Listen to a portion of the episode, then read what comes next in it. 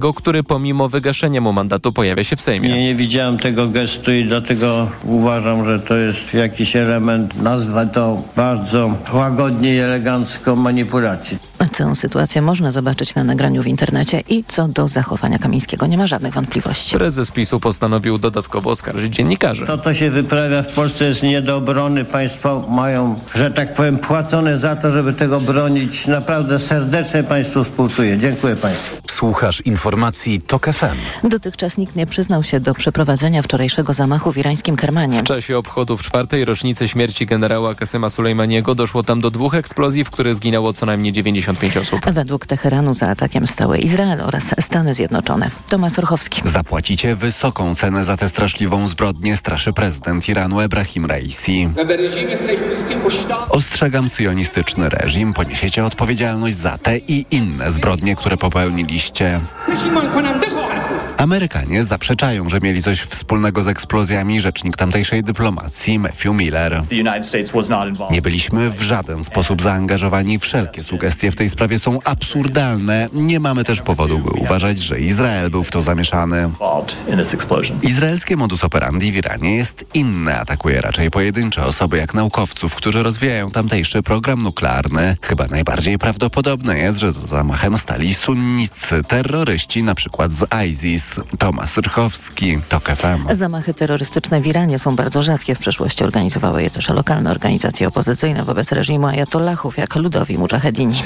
Inspektorzy Międzynarodowej Agencji Energii Atomowej od dwóch tygodni nie mają dostępu do części okupowanej przez Rosję zaporowskiej elektrowni atomowej, poinformował szef agencji Rafael Grossi. Największa w Europie elektrownia została opanowana przez wojska rosyjskie po rozpoczęciu pełnoskalowej inwazji na Ukrainę w 2022 roku. Obecnie jej sześć reaktorów nie wytwarza energii elektrycznej. Znajdują się one w fazie tzw. Tak zimnego zamknięcia. Zakopiańscy policjanci mówią o pladze oszustw na nieistniejące kwatery na Podhalu. W okresie sylwestrowo-noworocznym otrzymali aż 30 takich zgłoszeń. To, jak mówią, rekordowa liczba. Dotyczy zaledwie dwóch dni. Niestety nic nie dały przedświąteczne apele, mówi Mateusz Lenartowicz z zespołu prasowego Małopolskiej Policji. Małopolscy policjanci od dawna proszą o ostrożność i apelują o weryfikowanie ofert noclegowych zamieszczanych w internecie. Turyści kierują się najczęściej wyłącznie niską ceną. Nie działajmy pod presją czasu, nie śpieszmy się. Pośpiech nie sprzyja zachowaniu ostrożności. Dokładnie sprawdzajmy dane, postarajmy się zebrać jak najwięcej informacji na temat obiektu. Ważne też, żeby nie rezerwować noclegów na darmowych portalach, które nie weryfikują żadnych ofert. Katarzyna Młynarczyk, TOK FM. Kolejne informacje o 7.20, za chwilę poranek Radia TOK FM i Karolina Lewicka. Teraz jeszcze prognoza pogody.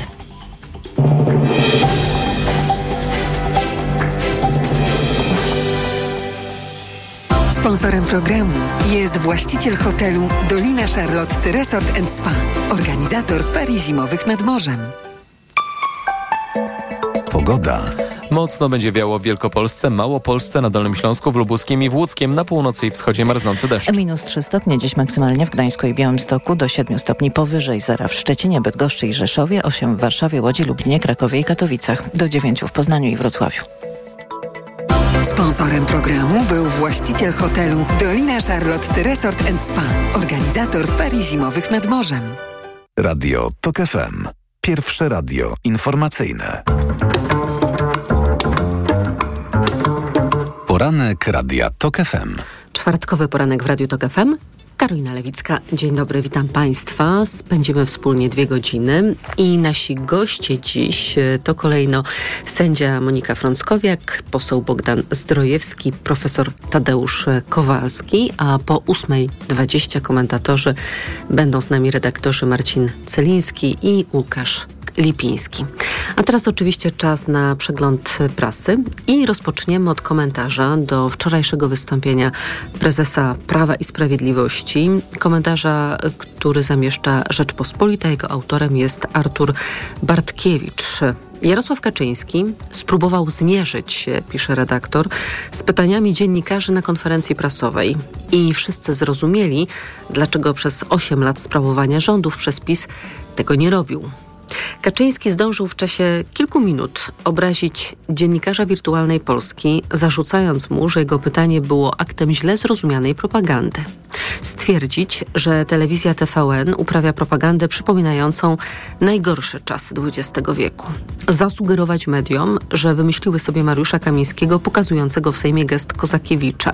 Stwierdzić, że każdy może dzwonić do prezesa TVP o trzeciej w nocy, jeśli prezesa zna i ma problem z telewizorem. A na koniec oświadczyć, że wszyscy dziennikarze, no z wyjątkiem tych z telewizji Republiki, Michała Adamczyka oraz Samuela Pereira, ale to się rozumie samo przez się, są w beznadziejnej sytuacji, bo płaci im się za to, żeby bronić tego, co dzieje się w Polsce, a tego się bronić nie da. Serdecznie Państwu współczuję stwierdził Jarosław Kaczyński, kończąc konferencję prasową w trybie jak mi się nie podobają pytania, to wychodzę i wyszedł. Jeśli PiS chciałby wyciągnąć z konferencji prezesa jakiś wniosek, to zamiast puenty przypomnę scenę z filmu Race, w której jeden z bohaterów składa wniosek o przesunięcie kolegi śpiewaka do sekcji gimnastycznej. Po pierwsze, będzie w kolektywie, nie będzie samotny. Po drugie, nabierze jeszcze więcej optymizmu życiowego. Po trzecie, przestanie śpiewać. No to pośmialiśmy się, a teraz e, czas na rzeczy straszne. To kolejny komentarz. Tym razem Michała Szułtrzyńskiego, także zamieszczony w Rzeczpospolitej na stronie czwartej. I Michał Szułdrzyński pisze tak. Niecały rok po tragicznej śmierci swojego syna posłanka Platformy Obywatelskiej Małgorzata Felix podzieliła się na Platformie X swoimi przeżyciami z tego czasu. Każdy kolejny wpis był wstrząsający, ale dopiero całość pozwala wyobrazić sobie coś niewyobrażalnego, czyli doświadczenia matki, która zderzyła się ze sponsorowaną przez państwo PiS machiną hejtu. Posłanka opisywała, że choć od niemal roku toczy się śledztwo w sprawie śmierci jej syna, nie otrzymała wglądu do akt. Dostali go zaś pracownicy propisowskich mediów. Zarówno w pytaniach, które pochodzą od nich, jak i w różnych anonimowych kont w internecie dowiedzieć się można o różnych wrażliwych informacjach, które wyciekają z tego śledztwa.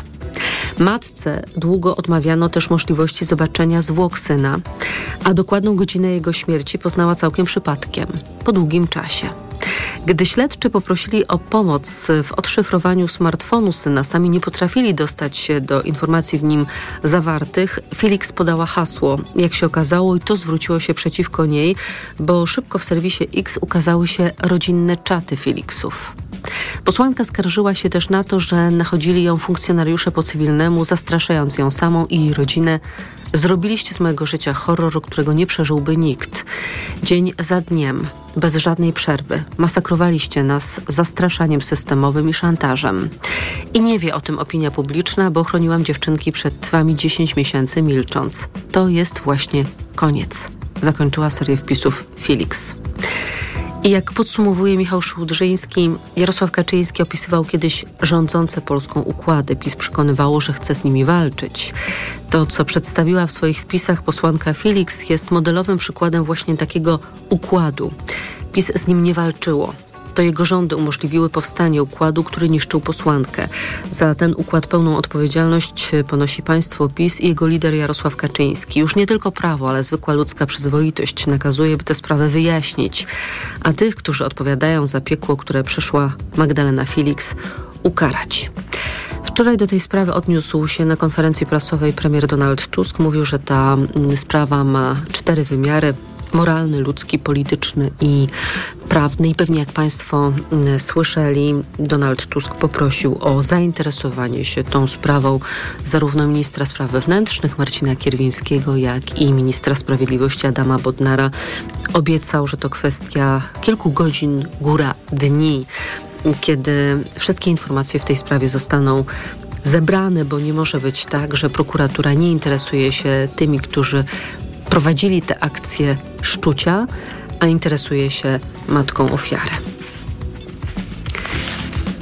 Ciąg dalszy przeglądu prasy. Gazeta Wyborcza informuje o tym, że Krajowa Rada Radiofonii i Telewizji sprawdzi słowa Pietrzaka. Chodzi o, o słowa, które padły z ust Jana Pietrzaka w sylwestrowy wieczór na antenie telewizji Republika.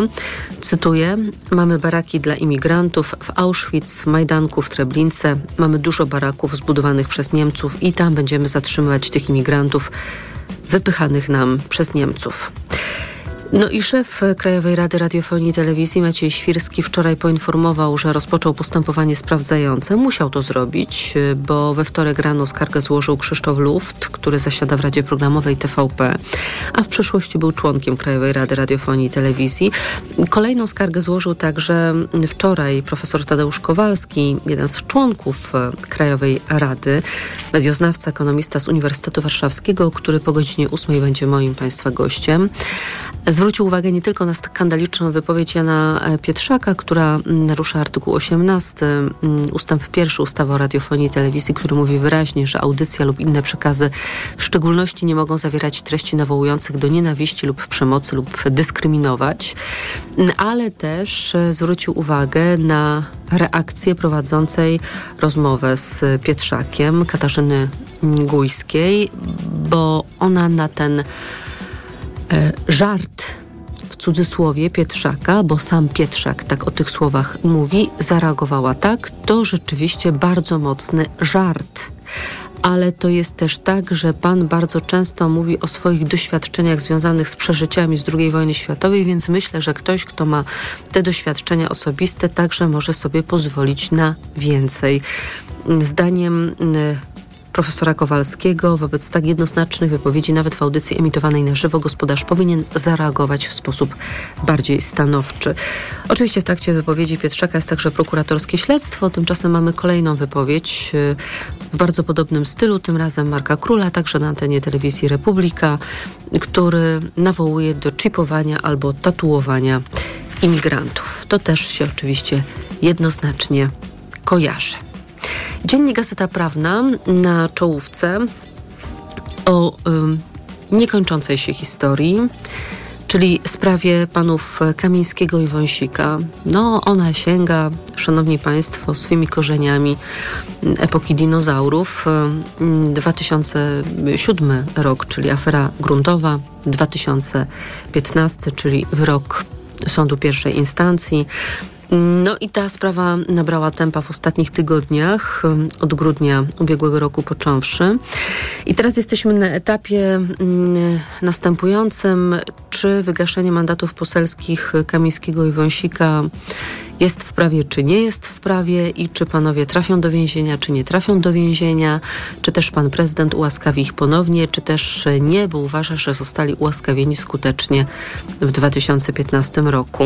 I jak piszą Grzegorz, Grzegorz Osiecki, Piotr Szymaniak i Tomasz Żółciak, minister sprawiedliwości Adam Bodnar, informując marszałka Sejmu o wyroku skazującym polityków PiSu, zrobił to na podstawie orzeczenia, a nie wpisu w Krajowym Rejestrze Karnym, a tego wymaga kodeks wyborczy. Według PiS oznacza to, że procedurę wygaszenia mandatów poselskich wszczęto zbyt wcześnie. O takiej linii obrony mówił nam także pełnomocnik Macieja Wąsika, mecenas Janusz Woźnicki. Szymon Hołownia przekonuje, że wszystko odbyło się zgodnie z prawem, ponieważ postanowienie zostało wydane na podstawie odpisów prawomocnych wyroków. W Sądzie Najwyższym znajdują się już odwołania od tej decyzji złożone przez obu posłów PiSu skierowali je do Izby Kontroli Nadzwyczajnej. Marszałek Hołownia te same pisma wysłał natomiast do Izby Pracy i to tu wyznaczono już dwa osobne składy do rozpatrzenia odwołań. Posiedzenia obu wyznaczono na 10 y, stycznia. Uzupełniająco, Szanowni Państwo, bo to jest kolejne zagmatwanie, zapętlenie sprawy. Prezes Izby Pracy, sędzia Piotr Prusinowski, wyznaczył sędziów sprawozdawców oddzielnie do sprawy Kamińskiego, oddzielnie do sprawy Wąsika. No i ten system losowania wyznaczył e, Wąsikowi neosędziego, i do tego składu prezes Prusinowski dokoptował jeszcze dwóch neosędziów, natomiast system wylosował dla Kamińskiego legalnego sędziego i legalnych sędziów także mm, dokoptował prezes Prusinowski, więc teraz takie dwa składy. Legalny sędziów i neosędziów będzie rozpatrywał dwie identyczne sprawy, bo będzie badał, czy panowie są skutecznie ułaskawieni przez pana prezydenta w roku 2015 i czy są, czy nie są w związku z tym prawomocnie skazani i czy słusznie wygaszono im mandaty poselskie, czy też e, nie. No pytanie oczywiście także o to, czy obaj panowie pojawią się na posiedzeniu Sejmu w przyszłym tygodniu. E, jeszcze dodam, że wczoraj poseł Koalicji Obywatelskiej mecenas Roman Giertych poinformował, że z Sądu Rejonowego Warszawa-Śródmieście wpłynęło pismo, mm, e, że e, mówiące o tym, że kara orzeczona prawomocnym wyrokiem sądu okręgowego ma być skierowana do wykonania najpóźniej do końca dzisiejszego dnia. Ale ponieważ nie wiemy, czy mandaty wygaszono skutecznie, czy nie, to nie wiemy, czy posłów chroni immunitet, czy też nie. Czas na przegląd prasy się skończył. Dogłębną lekturę Państwu gorąco polecam. Innymi tekst z Gazety Wyborczej, którego już nie zdążyłam zacytować o tym, że państwo znów zagra z Wielką Orkiestrą Świątecznej Pomocy. I to jest dobra informacja. I tą dobrą informacją przegląd prasy kończymy. Teraz czas na informacje. Poranek Radia TOK FM. Autopromocja. Mała władza. Podcast TOK FM. Wyróżniony nagrodą Grand Prix w konkursie Podcast Roku. Zaprasza Andrzej Andrysiak. Dokładnie prześwietlamy w mediach tę władzę na górze, a tę na dole traktujemy pobłażliwie, bo jest samorządowa, bo blisko ludzi, bo przecież rozwiązuje ich problemy. Ale to tylko wersja oficjalna i PR, a nie rzeczywistość. Pojechałem do małych miejscowości, by sprawdzić, co się stało z naszą lokalną samorządnością. Mała władza. Tylko w TOK FM Premium. Słuchaj na tokefm.pl ukośnik władza lub w aplikacji mobilnej. TOK FM. Autopromocja. Reklama. RTV Euro AGD. Noworoczna wyprzedaż w euro. Na wybrane produkty. Tylko do poniedziałku. Smartfon Samsung Galaxy S22. Najniższa teraz ostatnich 30 dni przed obniżką to 2899.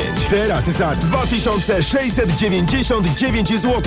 I do czerwca nie płacisz. Do 30 rat 0%. Na cały asortyment. Z wyłączeniem produktów Apple. RRSO 0%. Promocja ratalna do 18 stycznia. Regulamin w sklepach i na euro.com.pl. Boli mnie gardło. Mamo, zerkniesz? Czerwone. Babcia da ci lizaka. Lizaka? No co ty? Lizaka Naturcept Med Gardło bez cukru. To wyrób medyczny, który leczy podrażnienia, łagodzi ból i nawilża gardło.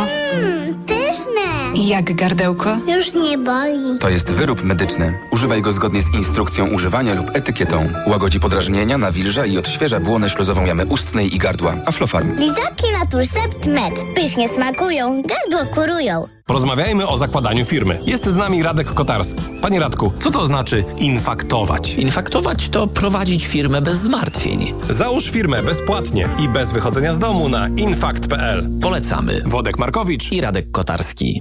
Ekonomia to dla Ciebie czarna magia? Masz kapitał i nie wiesz jak go zainwestować? Gubisz się w pomysłach polityków na gospodarkę? Magazyn EKG w TOK FM. Wyjaśniamy, informujemy i podpowiadamy. Od poniedziałku do piątku, po dziewiątej.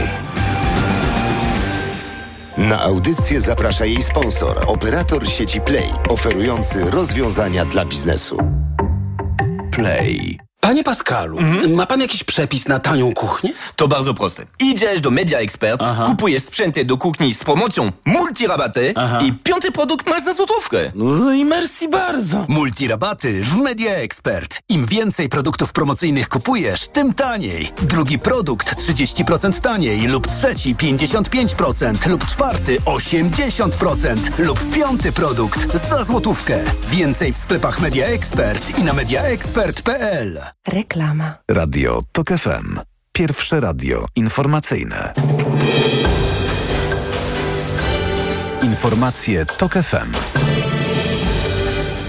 7.21 Filip Kakusz, zapraszam. O zaskakującej decyzji Sejmowej Komisji Finansów Publicznych mówi Małgorzata Paprocka z Kancelarii Prezydenta. W ten sposób komentuje decyzję o tym, że komisja nie zajmie się projektem ustawy okołobudżetowej przygotowanym przez Andrzeja Dudę, który wcześniej zawetował projekt rządowy. Posłowie zdecydowali, że będą pracować jedynie nad nowym projektem rządu. Spore utrudnienia na liniach kolejowych. Wstrzymano przejazdy pociągów regionalnych między Nasielskim i Działdowem, a także Wyszkowem i Ostrołęką, Małkinią i Sadownem. Ograniczony jest też ruch na odcinku Słup Słup, Sklemborg. Sieć trakcyjna w tych miejscach jest oblodzona. Przewoźnicy wysyłają na trasy zastępcze autobusy. 230 ukraińskich jeńców wojskowych i więzionych cywilów wróciło do domów, przekazał prezydent Wołodymyr Zełenski. Rosyjski resort obrony powiadomił, że wymiana jeńców odbyła się dzięki negocjacjom z udziałem Zjednoczonych Emiratów Arabskich. To była największa wymiana więźniów od początku wojny.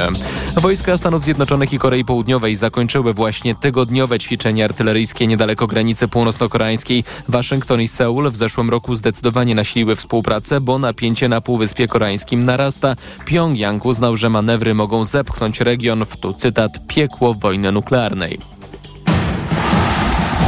Informacje sportowe. Michał Waszkiewicz, zapraszam. Ryu Kobayashi, nowym liderem turnieju czterech skoczni. Japończyk nie wygrał jeszcze żadnego konkursu, ale wczoraj w Innsbrucku był trzeci raz z rzędu drugi i wyprzedził w klasyfikacji generalnej Niemca Andrasa Wellingera, który wczoraj był piąty. Zawody wygrał Austriak Jan Herl i dzięki temu w turnieju jest trzeci. Najlepszy z Polaków Kamil Stoch zajął niezłe jedenaste miejsce. Piotr Żyła na półmetku był czwarty, ale drugi skok zepsuł i spadł na czternaste miejsce. Co zrobić, no tak. No, trzeba po prostu pracować dalej i być dalej cierpliwy, bo gdzieś tam, no, no miejmy nadzieję, że już tak to zaczną w końcu pomału wychodzić te, te skoki, chociażby takie jak ten pierwszy, no, no to, to by fajnie było, no ale, znaczy chociażby taki jak ten pierwszy. Ten pierwszy to był taki z lepszych, no ale, e, a ten drugi, no to znowu tak, no, był, był jaki był, no co, co tu zrobić. Mówił Szyba w Eurosporcie. Wczoraj punktowali jeszcze 24. Aleksander Zniszczał i 29. Paweł Wąsek. Ostatni konkurs w sobotę w Bischofshofen. Szwedka Lin Svan i Francuz Luca Chavana wygrali sprint techniką dowolną szwajcarskim Davos, zaliczany do cyklu Tour de Ski oraz Pucharu Świata w biegach narciarskich. Jedyny Polak Maciej Starenga odpadł w eliminacjach i został sklasyfikowany na 33 miejscu. Po czterech z siedmiu etapów na czele cyklu są Amerykanka Jessica Diggins, która wczoraj była druga, oraz Norweg Harald Esbert Amundsen, który przewrócił się w ćwierćfinale. Siatkarze Zaksy Kędzierzyn-Koźle wciąż nie mogą się pozbierać w tym sezonie. Wczoraj przegrali już po raz siódmy, tym razem z Aluron Wartą Zawiercie 1 do 3. My też nie zagraliśmy najlepiej, mówi przyjmujący Warty Bartosz Kwolek. Ta karwana gra wiadomo, że, że tutaj gra się ciężko, nawet jeżeli nie są już tam w pełnym składzie i, i w dobrej dyspozycji. E, to gdzieś tam e, zawsze się potrafią nakręcić i w tych decydujących momentach potrafią być groźni, co pokazał ten e, trzeci set. Na pewno cieszy, cieszy drugie, drugie zwycięstwo z trudnym przeciwnikiem w nowym roku, ale oby tak dalej. W pozostałych wczorajszych meczach 14 kolejki Plus Ligi Aseko Resowia wygrała z Bogdanką Lublin 3 do 2, a Exact System Hemarpol Częstochowa pokonał Trefl Gdańsk 3 do 1. Pogoda. Marznące opady dziś w ciągu dnia mogą pojawić się na Pomorzu i północnym wschodzie kraju. Z kolei silny wiatr da się we znaki mieszkańcom Dolnośląskiego, Łódzkiego, Świętokrzyskiego i południowej części Poznańskiego. W całej Polsce będzie raczej deszczowo, minus 7 stopni raptem na Suwalszczyźnie, z kolei plus 7 w centrum i dużej części kraju, miejscami 9 na południowym zachodzie. Radio TOK FM. Pierwsze radio informacyjne. Poranek Radia TOK FM. Monika Frąckowiak jest z nami, sędzia Sądu Rejonowego w Poznaniu i członkini Stowarzyszenia Sędziów Polskich Justicja. Dzień dobry, panie sędzio. Pani sędzio. Dzień dobry. Dzień dobry pani, dzień dobry państwu. Jest e, sejmowa uchwała o Krajowej Radzie Sądownictwa, w której to uchwale czytamy, że te uchwały Sejmu z roku 18, 21 i 22, które wybierały sędziów członków KRS-u, zostały podjęte z rażącym naruszeniem konstytucji. W związku z tym w tej uchwale z grudnia ubiegłego roku wezwano tak wybranych członków KRS-u, wybranych wbrew konstytucji, do zaprzestania działalności w Radzie. I mamy już e, odpowiedzi, przynajmniej dwie. Jedna oficjalna to jest uchwała Prezydium Krajowej Rady Sądownictwa, w której czytamy, że to jest e, zamach na konstytucyjne organy państwa. I mamy też e, wypowiedzi obecnej przewodniczącej Krajowej Rady Sądownictwa Dagmary Pawełczyk-Woickiej, która mówi, że ta uchwała nie stanowi źródła prawa powszechnie obowiązującego, że nie zamierzają oni opuścić Rady, a jeżeli ktoś będzie próbował podejmować, jak to ujmuje pani przewodnicząca, czynności faktyczne, czyli jak rozumiem, zmusić e, tychże sędziów do nieuczestniczenia w obradach e, KRS-u, to zostanie to potraktowane jako zamach stanu. I co pani na to?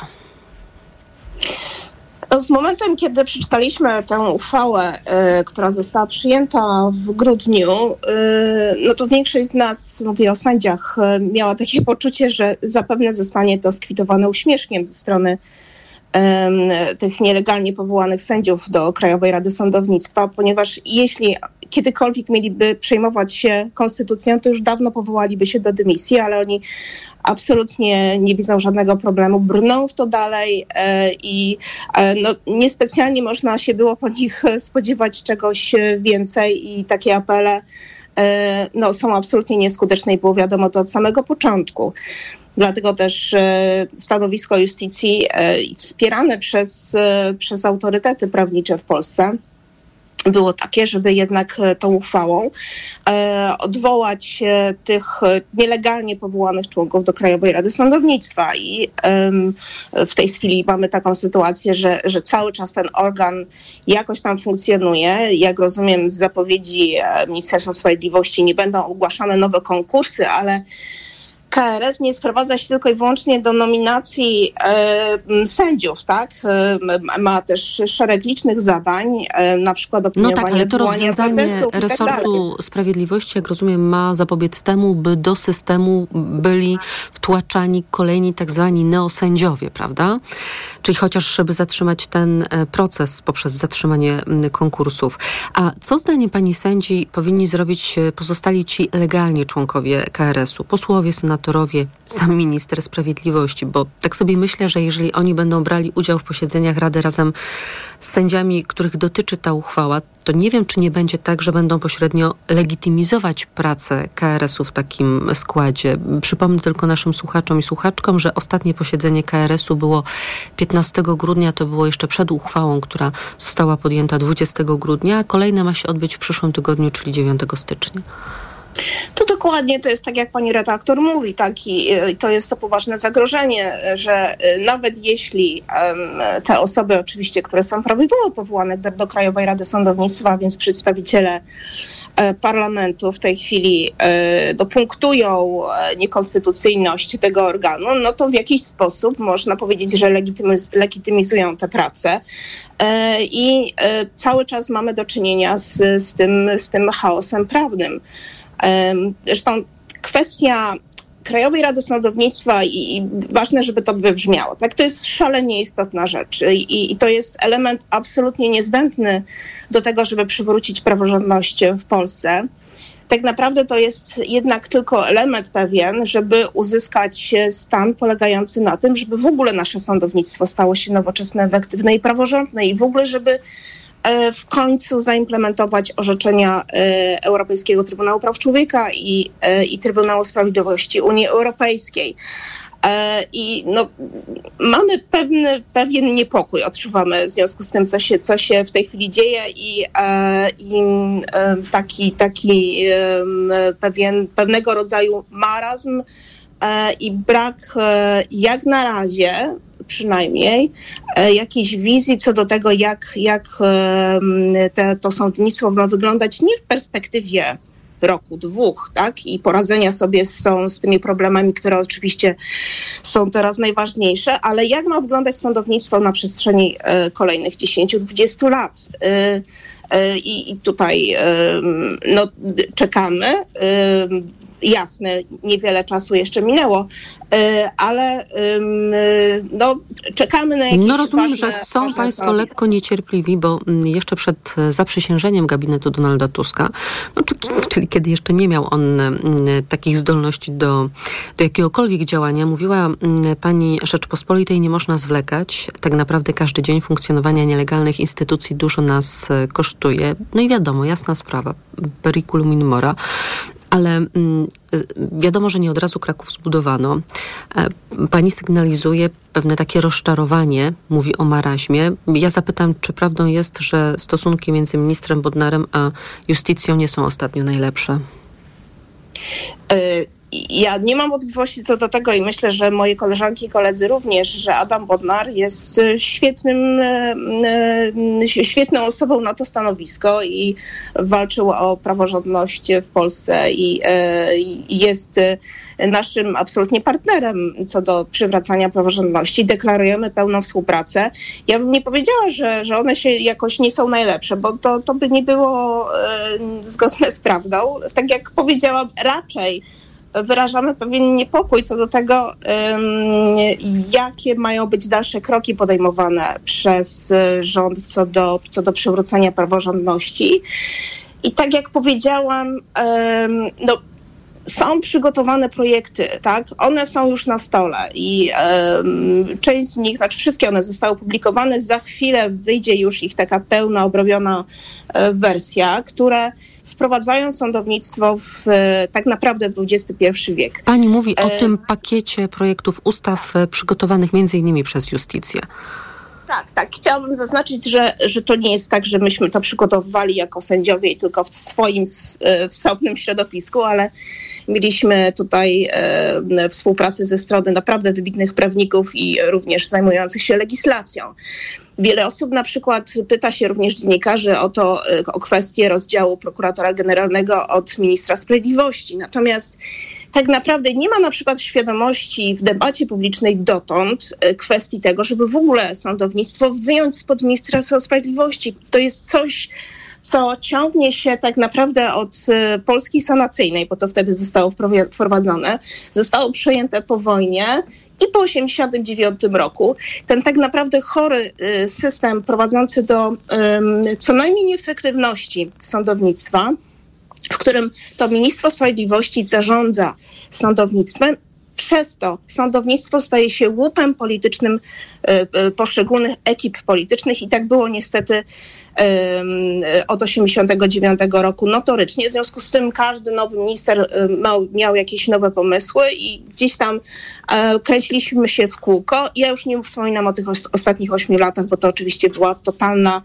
e, totalna rozwałka naszego, naszego systemu sądownictwa. I tak naprawdę y, w tej chwili Polska jest w, w tej grupie nielicznych krajów Unii Europejskiej, w której cały czas ten system taki archaiczny, w której to ministerstwo decyduje decyduje o, o tym, jak sądy mają funkcjonować, e, ciągle jest, e, gdy tymczasem nowoczesne kraje, takie jak Dania, Holandia na przykład, e, które zdecydowały się na to, żeby w ogóle zmienić ten system, e, no poszybowały w górę, a zaufanie do sądów tam wzrosło do 90%.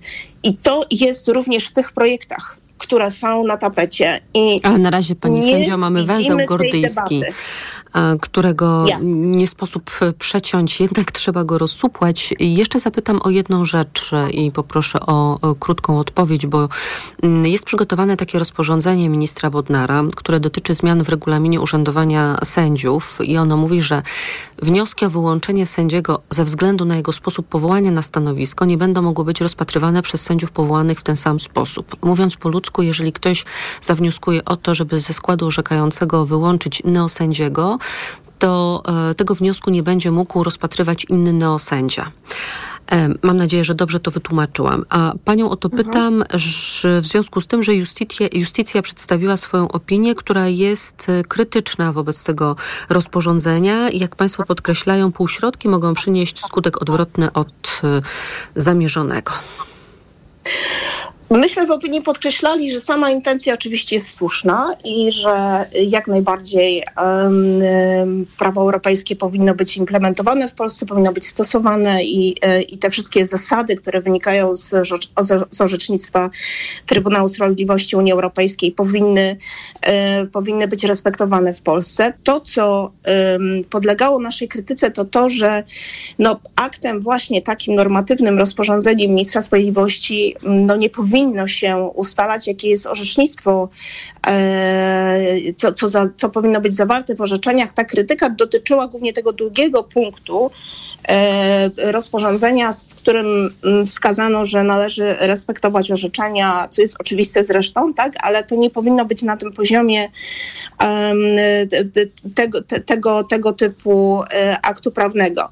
E, ale to po raz kolejny jakby wracamy tutaj do tego punktu, o którym mówiłam przed chwilą. To nie Ministerstwo Sprawiedliwości w ogóle powinno być tym organem, E, który, e, który zarządza sądownictwem i, e, i mm, bez względu na dobre intencje tutaj niewątpliwie ze strony ministerstwa, no to znowu mamy taki styk i, i taki, taki, taką nie, nie, sytuację, do której nie powinno dochodzić, w której e, politycy, przedstawiciele władzy wykonawczej e, do, do, dotykają e, czy też wchodzą w kompetencje tak naprawdę sądów, orzeczników, czyli tak naprawdę trzeciej władzy. Tak? I, nie zapominajmy o tym, i, e, że, że mm, sądy są, są taką samą władzą jak e, sądownictwo, jak władza wykonawcza i władza legislacyjna.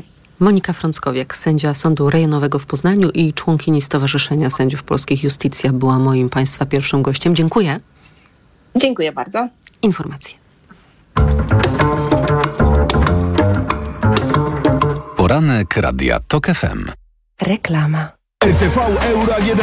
Noworoczna wyprzedaż w euro. Na wybrane produkty. Tylko do poniedziałku.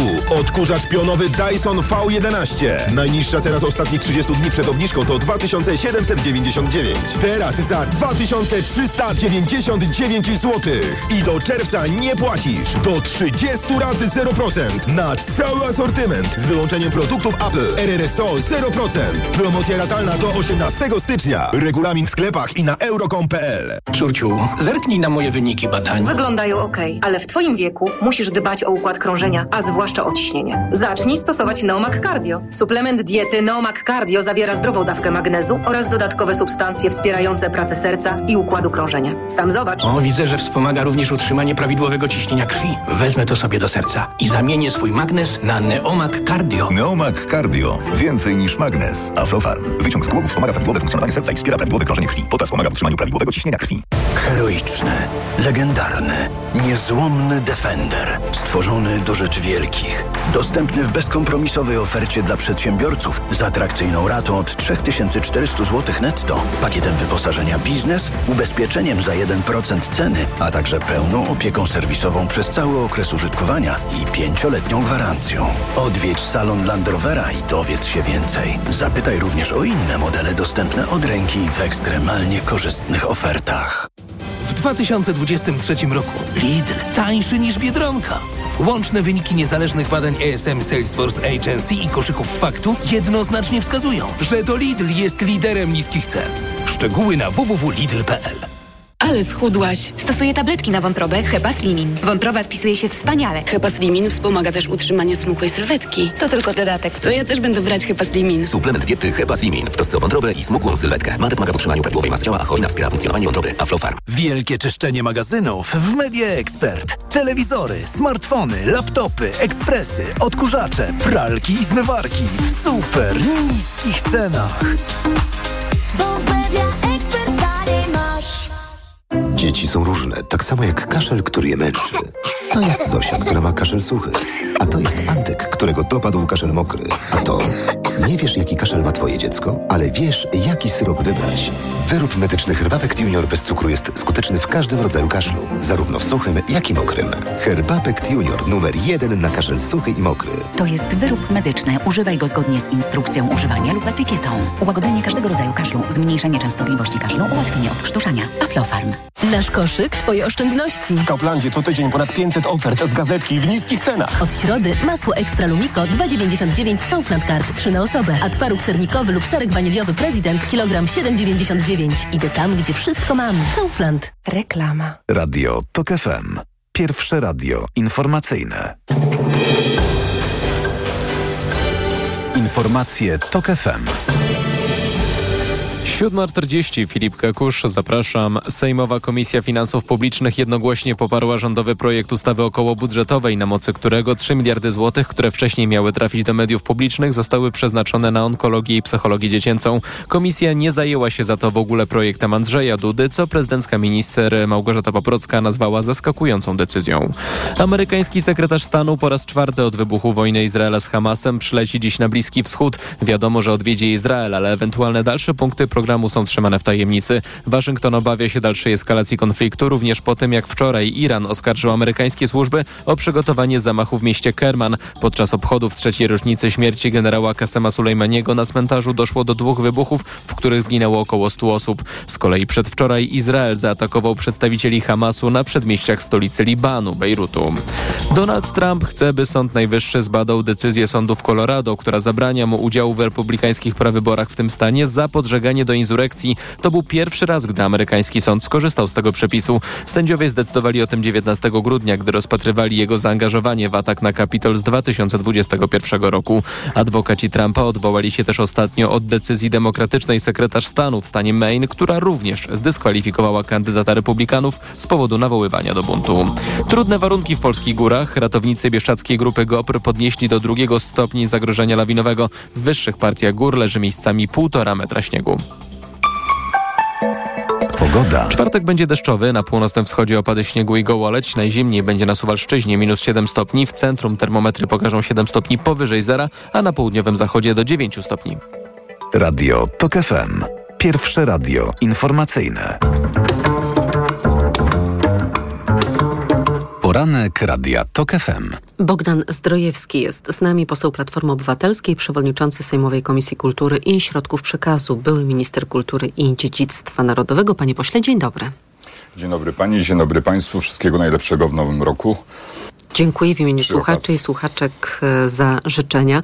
Wybory samorządowe m, to pierwszy z dwóch, e, jakie czekają nas w tym roku, bo potem na początku czerwca wybory do Parlamentu Europejskiego, wybory m, władz lokalnych 7 i 21 kwietnia. 21 kwietnia oczywiście druga tura. Ja pana pytam, w jakiej konfiguracji do wyborów samorządowych e, państwo, koalicja rządząca pójdą, bo Donald Tusk mówił wczoraj, że najchętniej poszedłby jako koalicja 15 października, ale jak wsłuchać się w to, co mówią politycy trzeciej drogi, to chyba bardziej prawdopodobny jest wspólny start właśnie trzeciej drogi, czyli Polski 2050 i ludowców, e, ale nie z Platformą Obywatelską i nie Lewicą razem. Będzie różnie, bo różne są też doświadczenia, przede wszystkim w sejmikach. Od nich e, musimy zacząć analizę. I sądzę, że naturalne będzie zbudowanie takiego paktu senackiego dla kilku sejmików, w których współpraca pomiędzy trzecią drogą e, a koalicją obywatelską już ma miejsce. Ale są oczywiście takie regiony, w których e, naturalnym będzie nawet separacja e, tych formacji, które współpracowały w takim czy innym stopniu w wyborach do Senatu czy też do Sejmu. Nie należy się temu jednak dziwić. A do Parlamentu Europejskiego jak to może wyglądać? Tu z kolei głos zabrał Adrian Zandberg, który mówi, że taką naturalną formułą startu dla niego, jeżeli chodzi o te elekcje, są bloki polityczne, tak jak wyglądają one później w Europarlamencie, czyli Państwo, Koalicja Obywatelska, byście z PSL-em szli wówczas ręka w rękę. Tym razem e, Adrian Sandberg e, ma rację. Bardzo istotne jest budowanie określonych e, sił politycznych w Parlamencie Europejskim, bo to będzie bardzo trudny i bardzo ważny parlament. Kadencja tego parlamentu.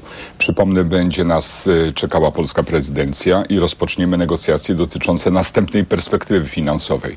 Co ważne też, będziemy w takim nadzwyczajnym pośpiechu kończyć tą perspektywę, która została przez PiS zmarnowana. Więc naturalne jest poszukiwanie takiej formuły, w której Polska będzie dobrze reprezentowana w tych głównych siłach, a trochę rozbieżne interesy ma jednak e, lewica od e, interesów e, PSL-u czy, czy też Koalicji Obywatelskiej, jeżeli chodzi o przynależność do grup politycznych. Ja przypomnę, żeby nie było wątpliwości, przez dosyć długi okres mamy sytuację takiej współpracy pomiędzy siłami lewicowymi w Europie, nie skrajnymi, ale lewicowymi, w tym także czasami z zielonymi, a grupą najważniejszą czy największą IPP. Natomiast generalnie rzecz biorąc można powiedzieć, że ta ostatnia kadencja, która właśnie się kończy dla Platformy Obywatelskiej nie była fortunna. Byliśmy bardzo słabo reprezentowani ilościowo przede wszystkim, nie chcę oceniać e, jakości, ale ilościowo byliśmy słabo reprezentowani, bo e, no, beneficjentem tego dużego porozumienia sprzed pięciu lat była przede wszystkim lewica. Czyli jak rozumiem, teraz nie ma takiej chęci, żeby oddawać część swoich mandatów mniejszym partnerom. E, To nie chodzi o ochotę, tylko chodzi o takie pryncypialne przesądzenie, jakie interesy, jakie zadania ma ewentualnie nasza reprezentacja w Parlamencie Europejskim. I one w niektórych elementach zaczynają być rozbieżne. Trzeba pamiętać o tym, co budowało też rozmaite różnice zdań, czy też konflikty w poglądach na aktywność europejską, na poszerzanie jej kompetencji, na funkcjonowanie i status określonych instytucji. To nie są detaliczne różnice, tylko to są różnice czasami zasadnicze.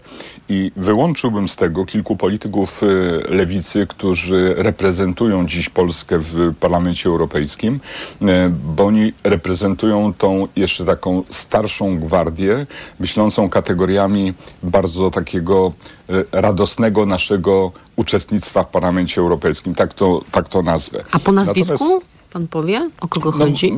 Tak, no, czy Leszek Miller, czy Marek Belka, czy, czy Włodzimierz Cimoszewicz, to jest jak nie entuzjastyczna taka nasza obecność w Parlamencie Europejskim, to bardzo zracjonalizowana. Natomiast są oczywiście grupy w lewicy, które są albo bardziej sceptycznie, albo bardziej radykalne, chcą mieć teraz coś do powiedzenia. To jest grupa zdecydowanie młodszego pokolenia. I tu będą oczywiście budowane, budowane budowane napięcia. Ja generalnie rzecz biorąc, żeby nie było wątpliwości, uważam, że skrajności w Parlamencie Europejskim to jest coś katastrofalnego, e, bardzo trudnego do takiej akceptacji, bo to są ruchy prorosyjskie bardzo często. One się lokują zarówno po skrajnej lewej, jak i po skrajnej prawej, jak i również anarchistyczne, które rozbijają e, nie najmocniejszą przecież e, Unię Europejską. Myślę o ich instytucjach. Ja tak, tak, ale panie pośle, pan ma kogoś konkretnego na myśli teraz, e, tak definiując te ruchy skrajnie lewicowe na polskiej scenie politycznej? Bo przyznam się szczerze, że w pewnym momencie się zgubiłam, bo mówimy o ewentualnej na przykład wspólnej liście. Wspominamy rok 2019, kiedy część polityków kojarzonych z lewicą uzyskała mandaty dzięki temu porozumieniu i, i zwiększyła swoją reprezentację w Parlamencie Europejskim. Teraz pan mówi o zagrożeniu ze strony ugrupowań skrajnie lewicowych, e, czasem prorosyjskich, rosyjskich? Czy my mamy kogoś konkretnego na myśli? E, ja akurat mam. I nie chodzi o osoby, które w chwili obecnej są w głównym nurcie politycznym, bo ich e, de facto albo nie ma, albo są słabo reprezentowani, ale patrząc na skrajną prawicę i skrajną lewicę, zarówno w Polsce, jak i w Europie, wyczuwam takie nurty, które są albo zbyt radykalne. To proszę nazwać te nurty. No przede wszystkim, jeżeli chodzi o nurty, ja mówię o prorosyjskich, ale one są generalnie rzecz biorąc y, neofaszystowskie. E, I to było widać po, po, stronie, po stronie na przykład skrajnej prawicy w Parlamencie Europejskim. A skrajna po stronie, lewica? A po stronie skrajnej lewicy były to oczekiwania radykalnych, ale takich bardzo radykalnych ruchów, y, które nazywane były czasami proekologiczne, a de facto były absolutnie destabilizujące całą gospodarkę Unii Europejskiej. To są oczywiście... Ale cały czas nie chce pan mi podać nazwy bo i nie podam. E, z, z, dwóch powodów. Po pierwsze, mam nadzieję na to, że akurat w przypadku tej skrajnej lewicy w warunkach europejskich ona będzie podlegała pewnej redukcji. Widać to w tej chwili, więc nie Ale uważam, ja pytam o skrajną jest... lewicę na gruncie polskim, z którą nie chciałby pan iść e, do Parlamentu Europejskiego. Nie chciałbym iść z grupą e, Adriana Zandberga, tak naprawdę. Czyli chodzi o partię Razem, panu. Na przykład, na przykład. Ale generalnie rzecz biorąc... I pan żeby... uważa, że oni są prorosyjscy? Nie. Akurat w ich przypadku nie mam takiego zdania, natomiast w Europie takie skrajne ruchy lewicowe, e, włoskie czy hiszpańskie, e, ocierały się o e, wpływy rosyjskie i to czasami dość radykalnie. No ale gdzie Rzym, gdzie Krym, gdzie Rzym, tak, gdzie Warszawa, ma prawda? Ma pani rację, tak. To dlatego odróżniam. Dlatego odróżniam. O demonstrację, która została nazwana protestem wolnych Polaków, e, chciałabym zapytać. To już za tydzień, 11 stycznia, w czwartek o 16 przed Sejmem e, Jarosław Kaczyński w telewizji Republika mówi, że ta demonstracja pozwoli na uświadomienie wielu naszym obywatelom, że stan, w którym się znajdujemy jest e, groźny. Donald Tusk o tej demonstracji mówi, Marsz Milionerów 11 stycznia, no bo faktycznie mm, jest to zdaniem PiSu Marsz Obrony Niezależnych Mediów, ale jak wiemy PiS mm, bardzo efektownie odwraca mm, wektory, trochę jak u Orwella. No to jak pan skomentuje te demonstracje i w ogóle to, co dzieje się w mediach publicznych? No generalnie rzecz biorąc Jarosław Kaczyński ma taki skrócony e, czas przed sobą. E, rok 2024 będzie się dzielił na takie dwie części, trzy części de facto, do wyborów samorządowych, do wakacji i potem. I on musi zmobilizować swój elektorat po to, żeby ten elektorat uwierzył, że, e, że oni przetrwają ten 2024 rok. Skończyły mi się media publiczne jako tuba propagandowa. Za moment będą kończyły się także inne możliwości takiego wulgarnego żadnego partyjnego przekazu w na przykład całej grupie Polska Press, jestem o tym przekonany. Natomiast on ma za zadanie przetrwać, krótko mówiąc, wiosnę. Ta wiosna dla niego jest bardzo istotna, bo wybory samorządowe to są takie wybory, które interesują nie dziesiątki, czy setki, czy pojedyncze tysiące, tylko dziesiątki tysięcy rozmaitych działaczy. No i to będzie przebiegało bardzo intensywnie. Natomiast to jest oczywiście grupa, jak czasami złośliwie, a czasami bardzo trafnie mówi się, grupa obrońców tych milionerów z mediów publicznych i tak to będzie według mnie, mojej oceny przebiegało. A to nie jest tak, że Prawo i Sprawiedliwość dyktuje warunki, bo z tego, co nam wiadomo, chyba nadal Plac Powstańców Warszawy, czyli siedziba, jedna z siedzib telewizji polskiej, gdzie znajdowały się redakcje programów informacyjnych, nie jest w gestii nowych władz, tylko nadal w rękach pana Adamczyka i Pereiry. Flagowy program informacyjny telewizji publicznej, czyli 19.30 jest przygotowywany w warunkach chałupniczych, podobnie TVP Info. I co z tym zrobić? Czekać, aż ci, którzy są w środku budynku przy Placu Powstańców Warszawy wyjdą dobrowolnie? Według mnie na razie mamy sytuację dość dramatyczną, bo e, generalnie oczywiście mamy do czynienia z nielegalną okupacją, z bardzo dziwnymi i pozaprawnymi zachowaniami wielu e, posłów, e, natomiast posłów, czasami senatorów. Natomiast ja uważam, że ten czas trzeba spokojnie niestety przetrwać. Nie czyniłbym niczego takiego, co byłoby ruchem radykalnym. Czyli nie wyprowadzałby pan, tak? Nie wyprowadzałbym. Natomiast... Bo koalicja rządząca boi się takich obrazków, które będą paliwem dla propagandy Prawa i Sprawiedliwości, że to taki ostateczny zamach na wolne media w cudzysłowie. Nie chodzi tylko i wyłącznie o paliwo, ale chodzi przede wszystkim o to, aby e, nie budować e, sytuacji, w której część wątpiącej opinii publicznej, czy średnio zorientowanej, e, nagle miałaby wątpliwości co do intencji. My nie mamy intencji innych niż zamknąć pewien czas patologii na wszystkich możliwych polach ten obszar mediów publicznych jest niezwykle newralgiczny. E, on był taką patologią najbardziej widoczną, najbardziej spektakularną, najbardziej dramatyczną z punktu widzenia także skutków tych podziałów w samym społeczeństwie. To było coś niezwykłego. Ten czas trzeba zamknąć, ale ja uważam, że im bardziej będziemy zamykać to pokojowo, tym lepiej, a dla PiSu odwrotnie. Im bardziej dramatyczne będą e, elementy tego zamknięcia, tym oni będą budowali swoją e, pozycję i swoją legendę. Ale jak ci, którzy tam teraz siedzą na placu, będą tam siedzieć przez następne lata? Damy radę tych warunkach polowych.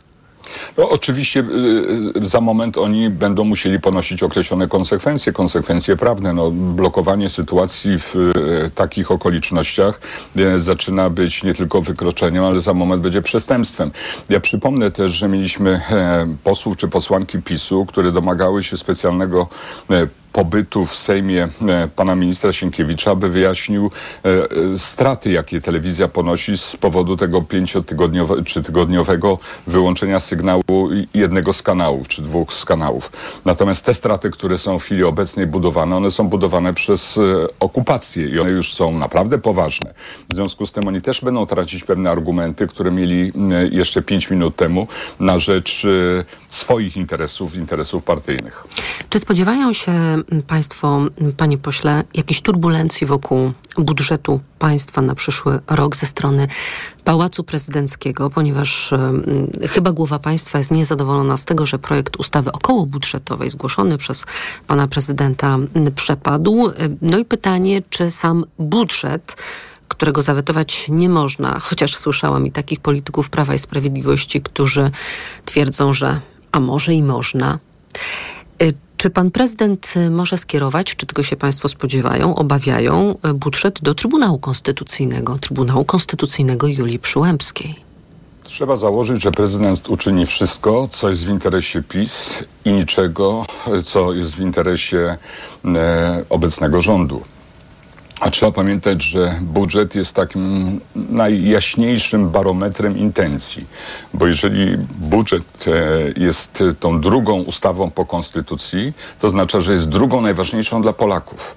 Jeżeli tak rzeczywiście jest, to mamy do czynienia z sytuacją, w której wetowanie takiego, e, takiej ustawy, wetowanie nie wchodzi w rachubę, ale skierowanie na przykład do Trybunału Konstytucyjnego i krótko mówiąc opóźnianie wejścia w budżetu w życie z e, takim e, pełnym e, inwentarzem oznacza straty dla Polski, oznacza straty dla wielu obywateli, dla grup społecznych, dla kondycji A państwa nie polskiego. chodzi tylko o opóźnianie ewentualnego wejścia tego budżetu w życie, bo na przykład Julia Przyłębska Też, uznaje też. ten budżet za sprzeczny z konstytucją. I co wtedy? To w ogóle y, o Trybunale Konstytucyjnym wolę, wolę nie, nie rozmawiać, bo to na odrębną y, rozmowę Trybunału Konstytucyjnego de facto praktycznie nie mamy z punktu widzenia Nie ma, ale jest. jakości. To jest taka dziwna no sytuacja. właśnie, tak. Z punktu widzenia jakości, rzetelności, pracowitości, adekwatności w reakcjach na rozmaite problemy, które się pojawiają. No nie ma, ale jest. No jest to taki, taka przybudówka mm, PiSu i, i, i tak można o tym powiedzieć. No tak, ale będzie też- podejmować jakieś e, decyzje, na przykład odnośnie budżetu. W ogóle na styczeń mnóstwo rozpraw zostało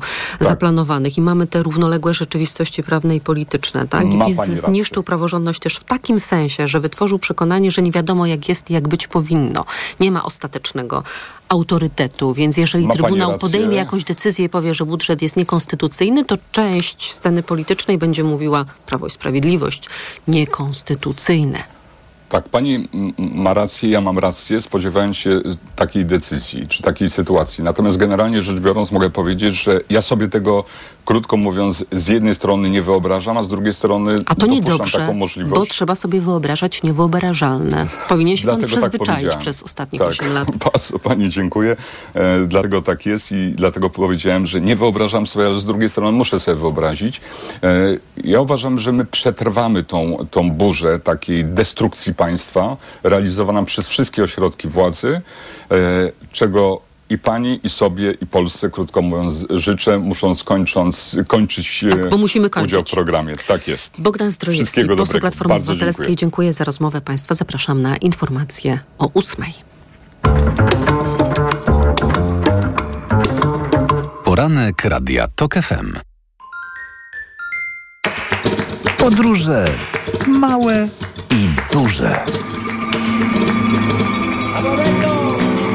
Północna czy południowa półkula, tropiki i wieczne zmarzliny. Odkrywamy wszystko.